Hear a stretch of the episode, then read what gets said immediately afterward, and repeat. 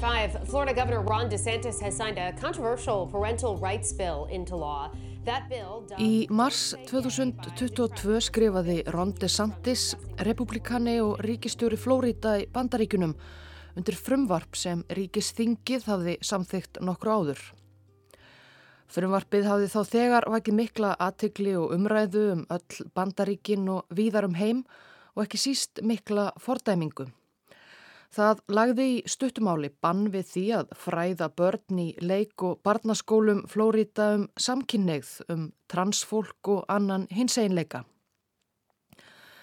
Frumvarp þetta sem anstæðingar þess kalla don't say gay eða ekki tala um samkynneigð var svo bara einn liður í umfangsmeiri herrferð republikana í Flórida til að skerða á ymsanhátt réttindi hins egin og sérilagi transfólks.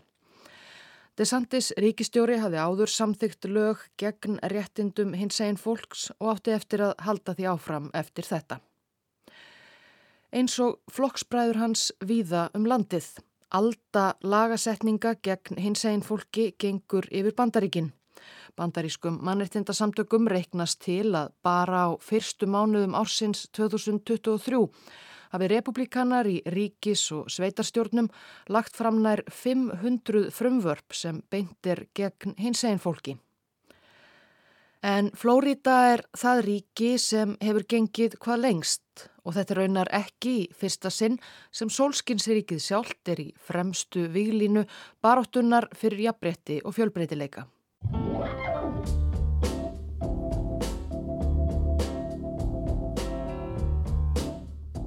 Sumarið 1969 risu kunnar á hinsegin næturklubbi í Greenwich Village í New York upp gegn lauruglumönnum sem einu sinni sem oftar réðust inn á staðinn.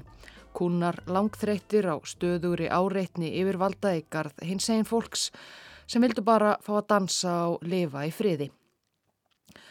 Það hefur áður verið fjallað um óeirðirnar í og við Stonewall krána í New York í þessum þætti fyrir nokkrum árum. Djörf Andspyrna eitt lögadagskvöld varðað margra daga óerðum og markaði líka vatnaskil í réttindabaróttu hins einn fólks í bandaríkunum. Ári eftir upphaf Stonewall óerðana 28. júni 1970 var fyrsta prætganga sögunar gengin á Manhattan. Á árunum þar á eftir breytust slíkar göngur um helstu borgir bandaríkjana. Það var gengið í Los Angeles, í San Francisco, Chicago, Dallas og víðar. Meðfram þessu spruttu fram á sjónarsviðið ný baráttuglöð samtök hins einn fólks óhrætt að láta í sér heyra undir áhrifum frá barátturreyfingum sjönda áratugurins.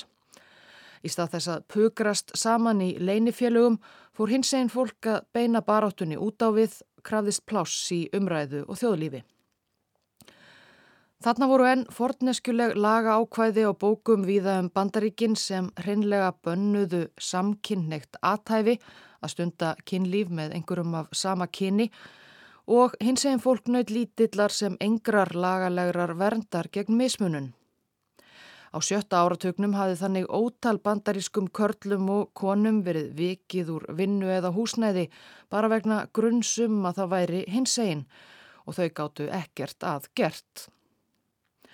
En á árunum eftir Stonewall fóru samtök hins einn baráttu fólks loks að vinna lagalega sigra.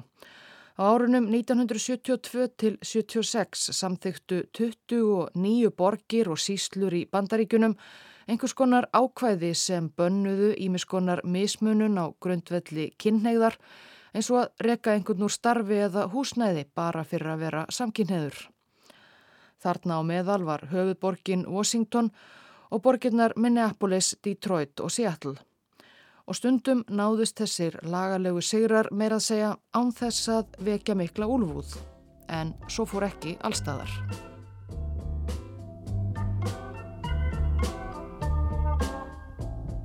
Árið 1976 fóru nokkrir samkynneður íbúar í Miami í söður Flórida að vinna því að fá bann við mismunun á grundvelli kynneigðarinn í lagabækur Date síslu, síslunar sem stæstu hluti Miami borgar tilherir. Flóridaríki lagði formlega séð enn bann við samkynneigðu aðtæfi En slíkt aðtæfi hafði þó lengi týðkast í Miami. Það hafði verið líflegt hins einn næturlífi borginni frá því á millistriðsárunum. En hins einn borgarbúar nutu engrar lagalegrar verndar. Það þurfti ekki mikið til að breyta því, bara litla viðbót við lög sem fyrir voru og bönnuðu mismunun vegna kyns, kynþáttar og trúar. Bara setja einn örf á orðum kyn neyð líka. Meðal þeirra sem fyrst beittu sér í þessu máli var áhrifamaður í skemtanabransa Miami Jack Campbell sem rak fjölda bathúsa fyrir samkynniða Karlmenn. Og svo 35 ára hommiðanabni Bob Kunst. Hann hafði sjálfur mist vinnuna sem markaðsfulltrúi fótboltaliðs þegar yfirmaður rak augun í bækling þar sem minnst var á samkynneigð á skrifborðinu hans. Það þurfti ekki meira til en það. Til að leggja málið fyrir sveitarstjórn Deitsíslu fengu þeir í lið með sér sveitarstjórnarkonu að nafni Rúð Sjakk. Hún var ný í stjórninni, frjálslind og fersk. Hún hafði snemma ákveðið að klæðast alltaf gulum kjólum á fundum. Það var þegar hún sá félaga sína í sveitarstjórninni nær eintóma karla í sömu dökku jakkafötunum. Rúðsjakk hafði enga sérstakka tengingu við samfélag hins einn fólks í Miami en fannst sér ljúft og skilt að leggja málið fram. Þetta var mannreittindamál, engin borgarbúi ætti að óttast að geta mist vinnu eða húsnæði vegna einhver sem sáfik engu um ráðið. Rúð Sjakk lagði því fram tillögu að breytingu og lögum um bann við mismunun fyrir sveitarstjórn deitsíslu 7. desember 1976. Hún bjóst ekki við að málið myndi verða mjög umdilt. Þetta var bara spurningum mannrettindi. En þar hafði hún rækilega ránt fyrir sér.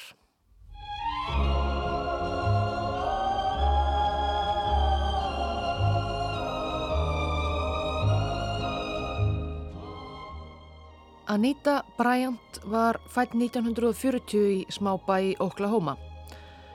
Hún var söngelsk frá unga aldri og varðlað þryggja ára var hún byrjuð að syngja drottni til dýrðar í baptistakirkjunni sem fjölskylda hennar sóti. Átta ára var hún farin að syngja í svæðisútvarpið og leiðin lág upp. 18 ára 1958 tók Anita Bryant þátt í Miss America fegurðarsamkemninni fyrir hönd ríkisins. Second runner-up, Anita Bryant, Miss Oklahoma. Og hafnaði þar í þriðja sæti. Bara fröken Iowa og fröken Mississippi þóttu fegurri þetta árið. En Anita Bryant nýtti sér keppnina sem stökkpall út í skemtanabransan. Oh,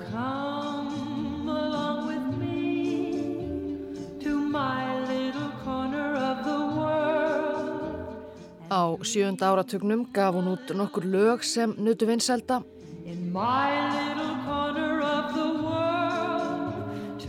Og hún leki í auglýsingum fyrir ástkær bandarísk vörumerki eins og Coca-Cola, Holiday Inn og Tupperware.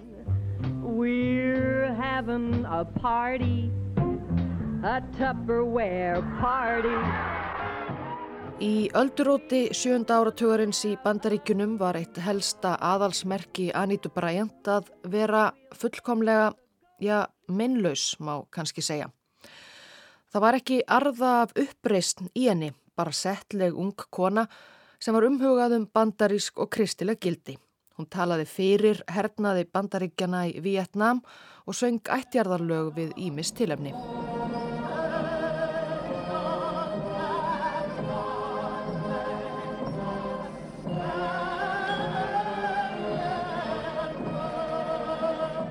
Árið 1960 giftist Anita Bryant útvarsmanninum Bob Green og fluttist til hans til Miami í Flórida. Hi, I'm Anita Bryant. This is my husband Bob. As you can see, we're in Florida. The land that's as sweet and fresh as the orange juice that comes from it. Í sólinni þar siðra blómstraði Anita Bryant. Ekki leið á löngu þar til henni hlottnaðist þar mikill heiður Hlutverk hennar einu sönnu sólskins stúlku í sólskins ríkinu. Hún varð talskona samtaka sítrus ávaksta bænda í Flórida. Auglisingar þar sem brósmild og frískleg bræjant dásamaði flóridískan appelsínudjús voru síndar um öll bandaríkin. My twins love 100% orange juice from Florida any time of day. A day without orange juice is like a day without sunshine. Dagur án appelsínusafa er eins og dagur án sólskins var hennar slagurð. En það mikilvægasta í lífi Anitu Bryant, sagði hún sjálf, var alltaf Kristinn Trú.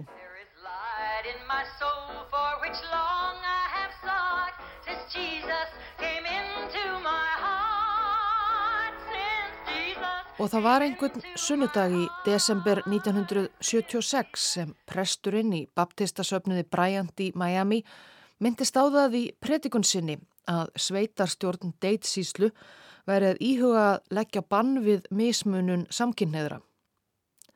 Á þessum tíma voru ímsar kirkjudeldir í bandaríkunum farnar að milda nokkuð orðræðu sína í gard hins einn fólks, hættar að tala bara um að þeirra byði volæði og vítiseldar.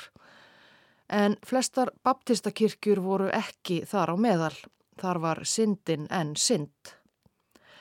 Svo að sapnaðarbörnin tóku andköf yfir því sem presturinn sagði og þar á meðal Anita Bryant.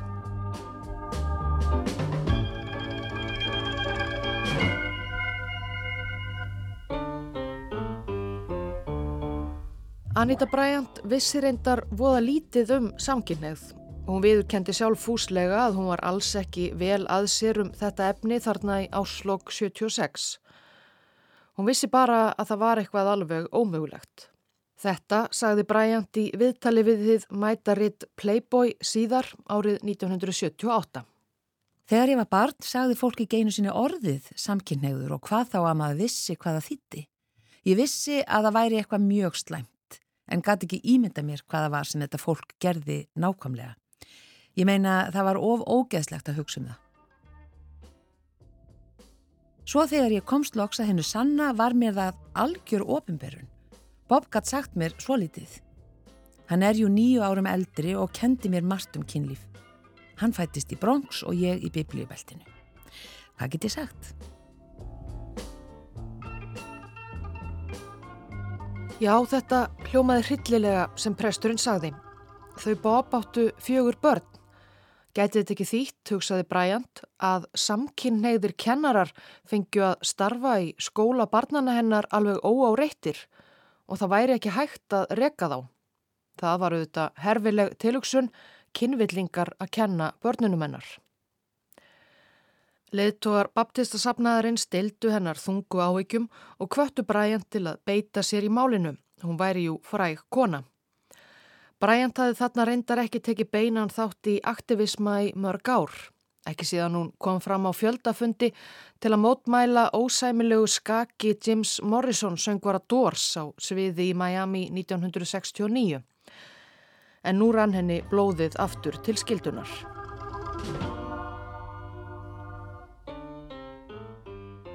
Sveitastjórn Deitsíslu tók tillögu 77-4 sveitastjórnar konunar Rúð Sjakkum breytingu á lögum um mismunun fyrir á opnum áhernarfundi 18. janúar 1977. Aldrei nokkuð tíman höfðu svo margir mætt á sveitastjórnarfund í síslunni. Það var fullt út úr dyrum. Það var ekki bara kirkja Anitu Bryant sem hafi espað söpnuð sinn upp Margir fundargestir kom með rútum beint úr baptistakirkjum Flórida og appelsínu drottningin sjálf vakti auðvitað aðtegli. Það var mikill hiti í fólki.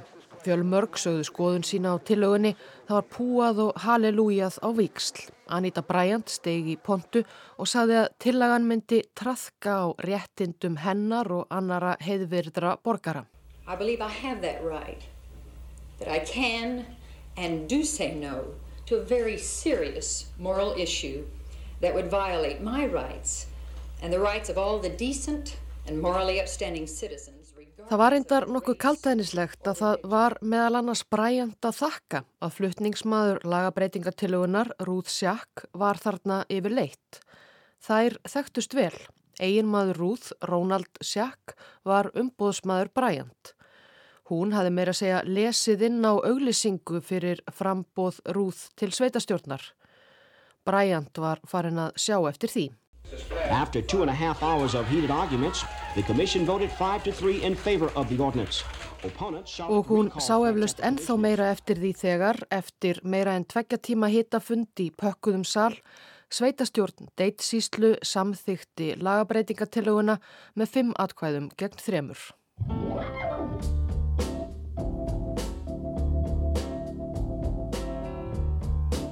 Hinsegin baráttu fólk í Miami hrósaði sigri.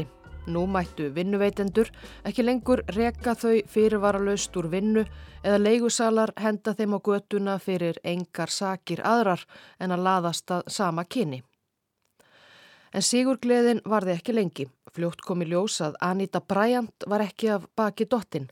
Hún og trúsistkinni hennar fóru að sapna undirskriftum. Sankant lögum deitsíslu þurfti undirskriftir 10.000 skráðra kjósenda til að knýja á um atkvaðagreðslu almennings um að nema lagabreitinguna úr gildi. Og enn komu kirkjurnar sterkar inn. Fight against the county law on gay rights moved to some 20 Dade County churches today. More than 11,000 signatures of registered... Undirskriftalistar lágu úti í kirkjum og sapnaðarheimilum. Það tók ekki nema örfáa daga að sapna nógu mörgum nöfnum. Málið var farið að vekja aðtikli fjölmiðla. Kirkjugestir sem fjölmiðlar rættu við voru áhyggjufullir. Umhugaðum börnin fengju samkynniðir kennarar að vaða upp í skólum borgarinnar. Hvað næst? Fyllibittur í kennslustofinni eða vændiskonur? There's no way that a homosexual would ever teach, a known homosexual would ever teach at Northwest Christian Academy.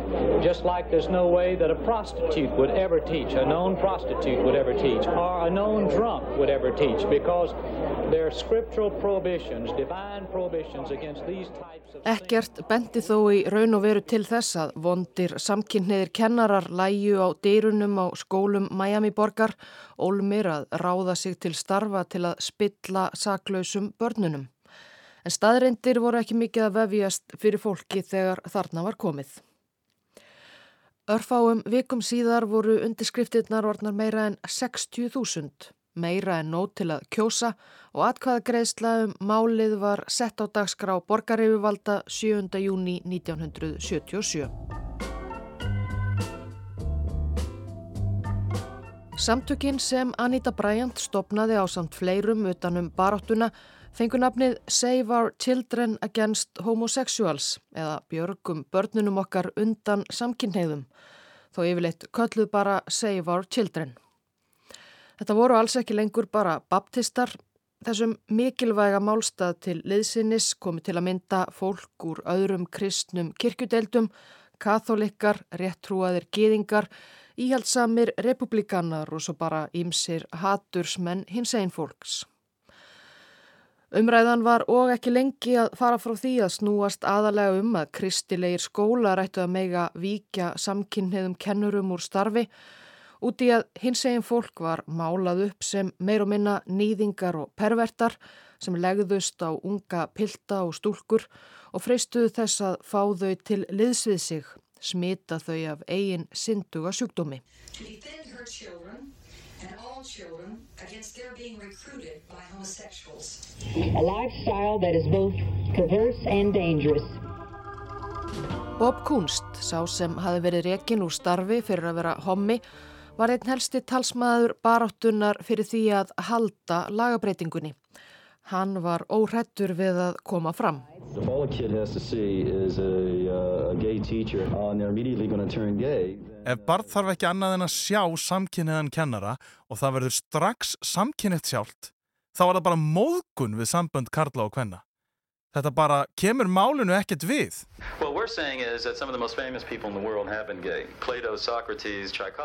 Mart frægasta fólk heims var samkynniðt. Platon, Sókrates, Tchaikovsky, Michelangelo, Da Vinci, þeir eru nú þegar í skólum og verið að kenna þá.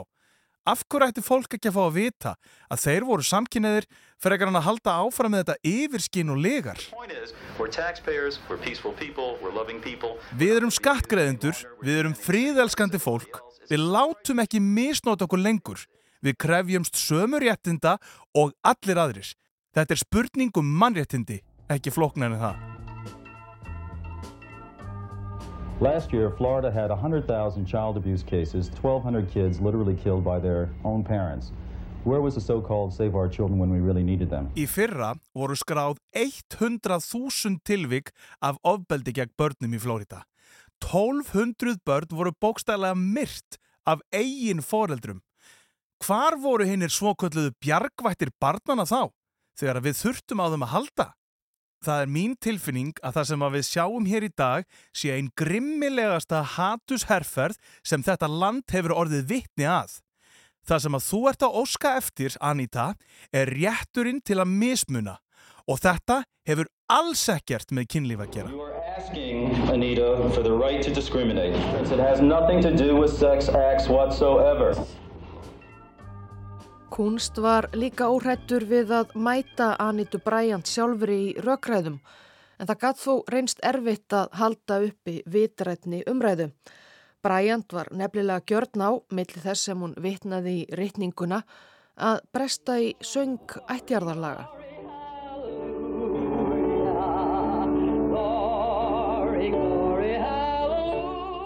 Þegar leið á kostningabaráttuna komu samherjar Bryant því svo fyrir að hún kom aðalega fram í kirkjum og á kristilegum samkundum svo hún kemi nú ekki óorði á málstæðin.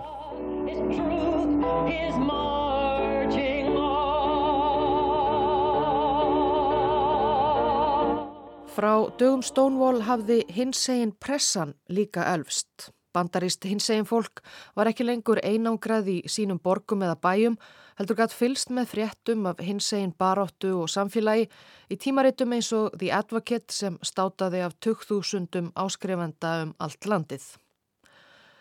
Vorið og sumarið 1977 fylgdist hinsegin pressan grant með kostningabaráttunni í Miami og undir tótnin í fréttaflutningnum var nokkuð skýr. Sama hvernig færi myndu Anítur Bryant þessa heims, öruglega ekki láta sér næja bara deitt síslu í Flórida. Það voru öflað verki sem vildu skerða réttindi hins eginn fólksum allt land. Flórida var eflaust bara byrjunin. Svo að hins eginn fólkum gerföll bandaríkinn tók sér til og lagði baráttunni söður í Flórida lið.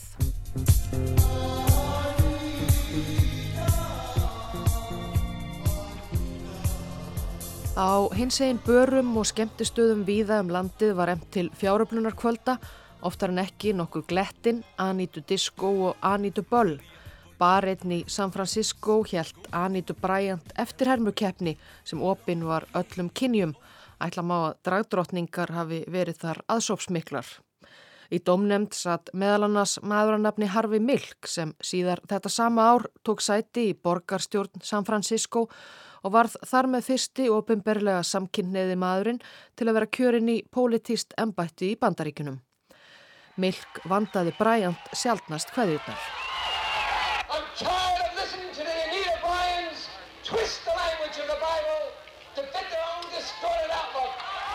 Havaríð veitti listamönnum inblástur árið 1977 kom út fjöldi laga um og kannski helst gegn Anitu Bryant með bæði hinsegin og gagkinnegðum listamönnum.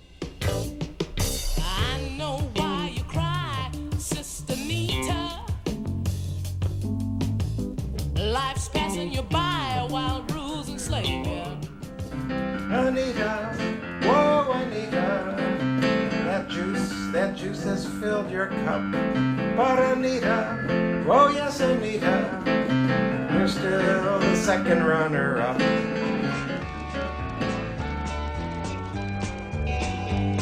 Hey fuck Anita Bryant, who the hell is she? Ah, but don't drink the orange juice. Don't drink the orange juice. Ekki drekka appelsínudjúsin, söng þarna söngvaskáldið Rod McEwen.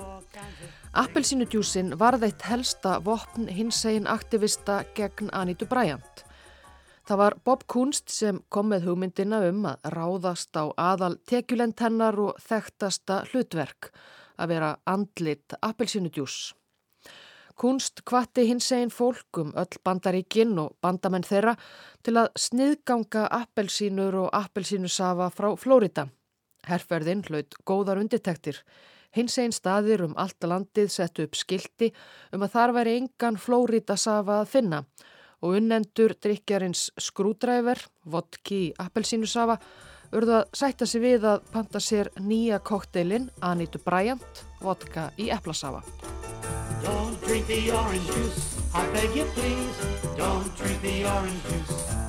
Þetta var þó ekki eintomt glens. Íðan Gettó, kostningastjóri stuðningsmanna tilugunar, myndist þess grátklökkur í viðtali við bandaríska vefritið Slate 2021 þegar hann fór í gegnum postin sem barst á kostningaskrifstofuna. Íðulega voru þar fleiri fleiri umslög með nokkrum seðlum og örfáum stuðningsorðum á bladi frá smábæjum og krummaskuðum í ríkjum eins og heimaríki Bryant, Oklahoma. Stöðum þar sem hins einn fólk gatt varla verið opið með sjálft sig en hafi samt haft samskot til að leggja baráttunni í Flórita lið. Stuðningsfólki lagabreitingarinnar barst hjálp víða að. Jimmy Carter, bandaríkjaforsiti, sjálfur trúheitur baptisti, stutti hana sem á fleiri áhrifamiklir demokrater. Hópur hollenskra þingmanna tók út stóra auðlisingu í dagblæðinu Miami Herald, breytingunni til stuðnings og þeir sögðust þekkja vel afleiðingar, mismununar og fordóma í heimalandi Önnu Frank. En í Miami Herald byrti Save Our Children líka stórar auglýsingar þar sem samkynneið var líkt við barnanýð og samkynneiðum við glæpalýð. Í sjónvarsauglýsingu var skrúðganga í Miami uppbyggileg fjölskyldu skemmtun The Orange Bowl Parade, Miami's gift to the nation, wholesome entertainment. Borinn saman við síðspilt svallið í gleðigöngunni í San Francisco. San Francisco, when they take to the streets, it's a parade of homosexuals, men hugging other men. Þegar nærdró kjördegi varð heftin en meiri. Frettir voru fluttar af kostningabaráttunni í Miami í fjölmiðlum um öll bandaríkin. Stuðningsfólki lagabreitingarinnar bárust líflátshótanir. Ókunnu kona hrekti í andletið á Rúð Sjakk í fataverslun. Í einum bæklingi frá Save Our Children var staðhæftað kynvilla, þeirra orð auðvitað, væri dauðasök. Anita Bryant kallaði hins einn fólk mennst sorp ofinberlega og fullirti að lagabreiting deitsíslu myndi heimila fólki að leggjast með dýrum. I love homosexuals, if you can believe that. I love them enough to tell them the truth. Ég elska samkynneitt fólk, eða geti trúið því. Ég elska þá nógu mikið til að segja þeim sannleikan því ég veit að það er von. Ef þau vilja snúa baki við syndinni, þá geta þau orðið fyrverandi samkynneið, rétt eins og til eru fyrverandi morðingjar og fyrverandi þjóvar. Hún var sífælt að læra meira um samkynneið og samkynneiða, kannski ekki alltaf frá áraðanlegustu heimildunum eins og hún fór yfir í áður nefndu viðtali við Playboy ári eftir að þetta allt gerist 78. Það kom lauruglumæður og helt kynningu í kirkjukjallaranum okkar með slætsmyndasíningu. Lauruglumæður þessi síndi sapnaðar börnum af einhverjum ástæðum svæstnar ljósmyndir af kynferðislegum aðtöfnum karla og af misnótkun ungra drengja. Allur söpnuðurinn var í áfalli. Nú skildu við hversu spilt þetta allt saman er. Ég meina að þetta er synd samkvæmt lögum drottins og syndin er eins og holdsveiki.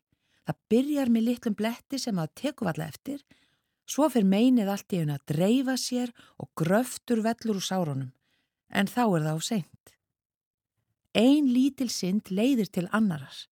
Samkynneið er bara byrjunin á óeðlinu. Það verður verra eftir því sem álýður. Menn dragast lengra og lengra neyri sollin og verða svo siðspiltir að þeir fara að nota fíknefni og margt samkynneitt fólk endar á því að stitta sér aldur. Ekki verður neitað að sjálfsmórðstíðni hins einn fólks var þá og er enn sorglega há, en ástæðan kannski ekki alveg þessi. En það voru nokkur sjálfsvig þarna vorið og sumarið 77 sem tengt voru við umræðuna í Miami. Ovidio Ramos, kallaður Herbie, var 28 ára hommi af kúpönsku mættum. Ram-kathólskir kúpverjar, stór hópur á Miami, flyktu sér að baki Anitu Bryant. og eftir að hafa hlustað á umræðu þátt á spænskumælandi svæðisútvarstöð þar sem landarhans ringdu inn og kölluðu eftir því að samkynneigðum erði komið fyrir í fangabúðum, misti Herbi Ramos lífsviljan. Hann trúði þessu varla, saði hann við vinsinn, að hatrið í garð hans og hans líka væri svona mikið, svona yfirþyrmandi.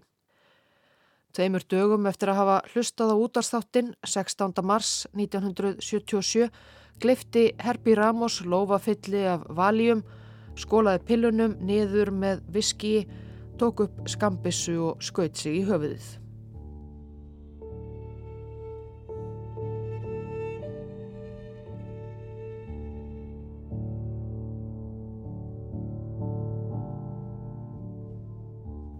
Kjördagur rann upp 7. júni 1977. Það var spenna í lofti ekki aðeins í Miami heldur víða um bandaríkinn. Sérstaklega beð bandaríst hins eginn fólk með öndina í hálsinum eftir úslitunum. Snemma var ljóst að kjörsóknir þau öllu meiri en gekk og gerðist þegar einstök mál í borgarpolitikinni voru til umræðum. En það hafði þetta mál þarna tröllriðið fjölmiðlum í borginni vikum saman. Alls greittu tæplega 300.000 manns í Miami atkvæði um hvort fellaætti úr gildi nýlega samþykta lagabreitingartillögu 77.4 sem bannaði mismunun í atvinnu og húsnæðismálum á grundvelli kynheiðar eða 40% kjósenda á skrá. Anita Bryant og andstæðingar lagabreitingarinnar voru auðvitað duglega hvetja áhyggjufulla kristna kjósendur á kjörstað. Anita Bryant has rallied thousands of fundamentalist Christians to her side for a strong anti-homosexual counterattack. Það var all ofinnulegt í bandaríkunum á þessum tíma 1977 að kristnir söpnuður blönduðu sér svo mikið inn í einstaka pólitísk mál. En með lagabreitingar tillögu 77 í Miami var það að breytast. Íhaldsamir heitrúaðir kristnir bandaríkjamenn voru að átta sig á því að þeir gætu orðið upplugt afl í bandarísku þjóðlífi og beitt sér til að móta samfélagið eftir eigin krettum og hugmyndum um vilja Guðs almáttugs. Sett sig upp á móti ekki bara samkynneigð heldur fleiri meintum syndum sem nú grasseriðu í nútíma samfélagi bandaríkjana.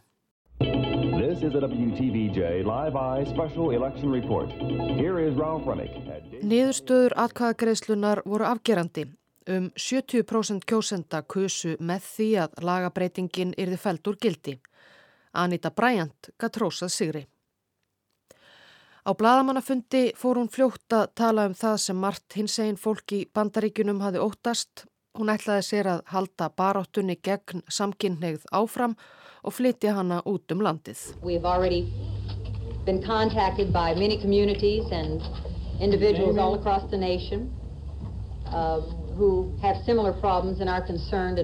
Uh. Það hafði þegar verið haft samband við hana, sagði hún víða að. Blaðamannafundurinn fór fram á Holiday Inn. Fyrir framann myndavilarnar kisti Sigur Reif söngkonan Bobsinn beint á munnin. Allt gagkinnegt hér, sko. This is what heterosexuals do, fellas. Tonight, the laws of God and the cultural values of man have been vindicated. Í kvöld hafa lög Guðs og gildi mannsins borið sigur úr bítum. Ég þakka Guði þann styrk sem hann hefur gefið mér og fjölskyldu minni. Fólkið í deitsíslu, venjulegi meiri hlutin, hefur sagt nú er nóg komið. No, no, no. Enough, enough, enough. Venjulegi meiri hlutin, saði Bryant í sigurræðu sinni. Svipað hugtak átti von bráðar eftir að verða fyrirferða mikið í bandarískri umræðu. Leittóar Kristina Íhaldsmanna fóru að tala um the moral majority, síðprúða meiri hlutan fólk sem leti kannski ekki mikið á sér bera en væri á móti öfgafullum tilraunum öfugugga eins og hins einn fólks til að krefjast réttarbóta. Slíkt tal átti eftir að réttlæta ímsa mismunun, fordóma og andstöðu við hins einn og kvenréttindi á næstu árum. Anita Bryant wasted no time. Today she left Florida on her way to what was called the New Christian Crusade in Norfolk, Virginia. Strax daginn eftir kjördag flög Anita Bryant af stað í krossferð norður til Virginíu þar sem hún ávarpaði kristna fjöldasamkomu. Hins segi fólk mótmælti hástöfum fyrir utan eins og víðast hvar sem Anita Bryant kom eftir þetta. Það var auðvitað ekki heldur á því að hætta að berjast. Og á bladamannafundi í Des Moines, Iowa í oktober 77 þrykti hins egin aktivisti rjómatertu í andlitið á henni.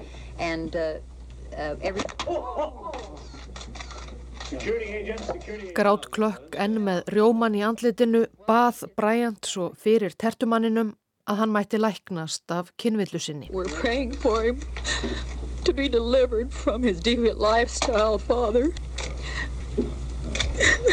Á vikunum eftir sigurinn í deitsíslu höfnuðu sveitastjórnir í Fort Lauderdale, Gainesville og Palm Beach í Flórida því að setja lög gegn mismunun á grundvelli kynneigðar og í Austin í Texas. Boltinn var farin að rulla víða um bandaríkinn og Anita Bryant og aðrir forsprakkar Save Our Children voru á ferð og flugi. Baratan gegn hins einn fólki endaði þó ekki á því að verða Anitu Bryant sérstaklega til framdráttar. Hún var víða dreyin saman í háði og spje, ekki bara af dragdrótningum, heldur frammi fyrir alþjóð í sjónvarpi. Our top story tonight, Anita Bryant, former mediocre actress and orange juice promoter, performed coitus in public yesterday. Ímynd Bryant sem mesta meinleysis grei var ónýtt og hún virðist hafa farið andlega illa út úr öllu saman. Hún skildi við Bob 1980, sagaði hann um andlegt ábeldi og sæðist glíma við sjálfsvíkshugsanir. Margir gamlir samherjar Anitu á kristna hægrivagnum sökuðu hana samt um hræstni að geta hugsað sér að skilja við eiginmann sinn sann kristin konan. Um svipað leiti losuðu sítrusbændur Flóríta sig endanlega við hana sem talskonu. Þryggja ára sniðgöngu hins einn fólks á Flóríta appelsínum lauk. Bræjant misti miklar tekjur og endaði í gjaldtróti. Hún dróð sig svo að mestu í hlépæði frá skemmtanabransa og pólitík en öflin sem hún átti stóran þátti í að leysa úr læðingi heldu áfram að berjast gegn réttindum hins einn fólks og fleiri minnilhutahópa og gera það enn. Árið 1998 dustuðu sveitastjórnamenn í Miami-Dade síslu rikið af lagabreitingatillögu 77 og samþyktu aftur 21 ári eftir að Ruth Sjakk lagði hana fyrst fram. 2014 var bann við mismunun á grundvelli kinn vitundar svo einnig bætt við. En viða í Flórida á hins eginn fólk nú aftur undir högg að sækja.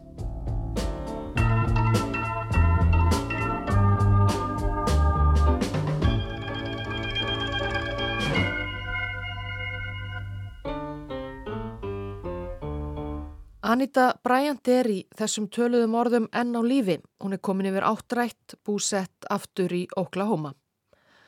Fyrir nokkrum árum ringdi hún í sonardóttur sína til að óska henni til hamingju með 21 ás amalið. Amma er mikið fyrir að ringja á amalistögunum okkar, sagði sonardóttirinn Sara Green frá í viðtali við sleit árið 2021.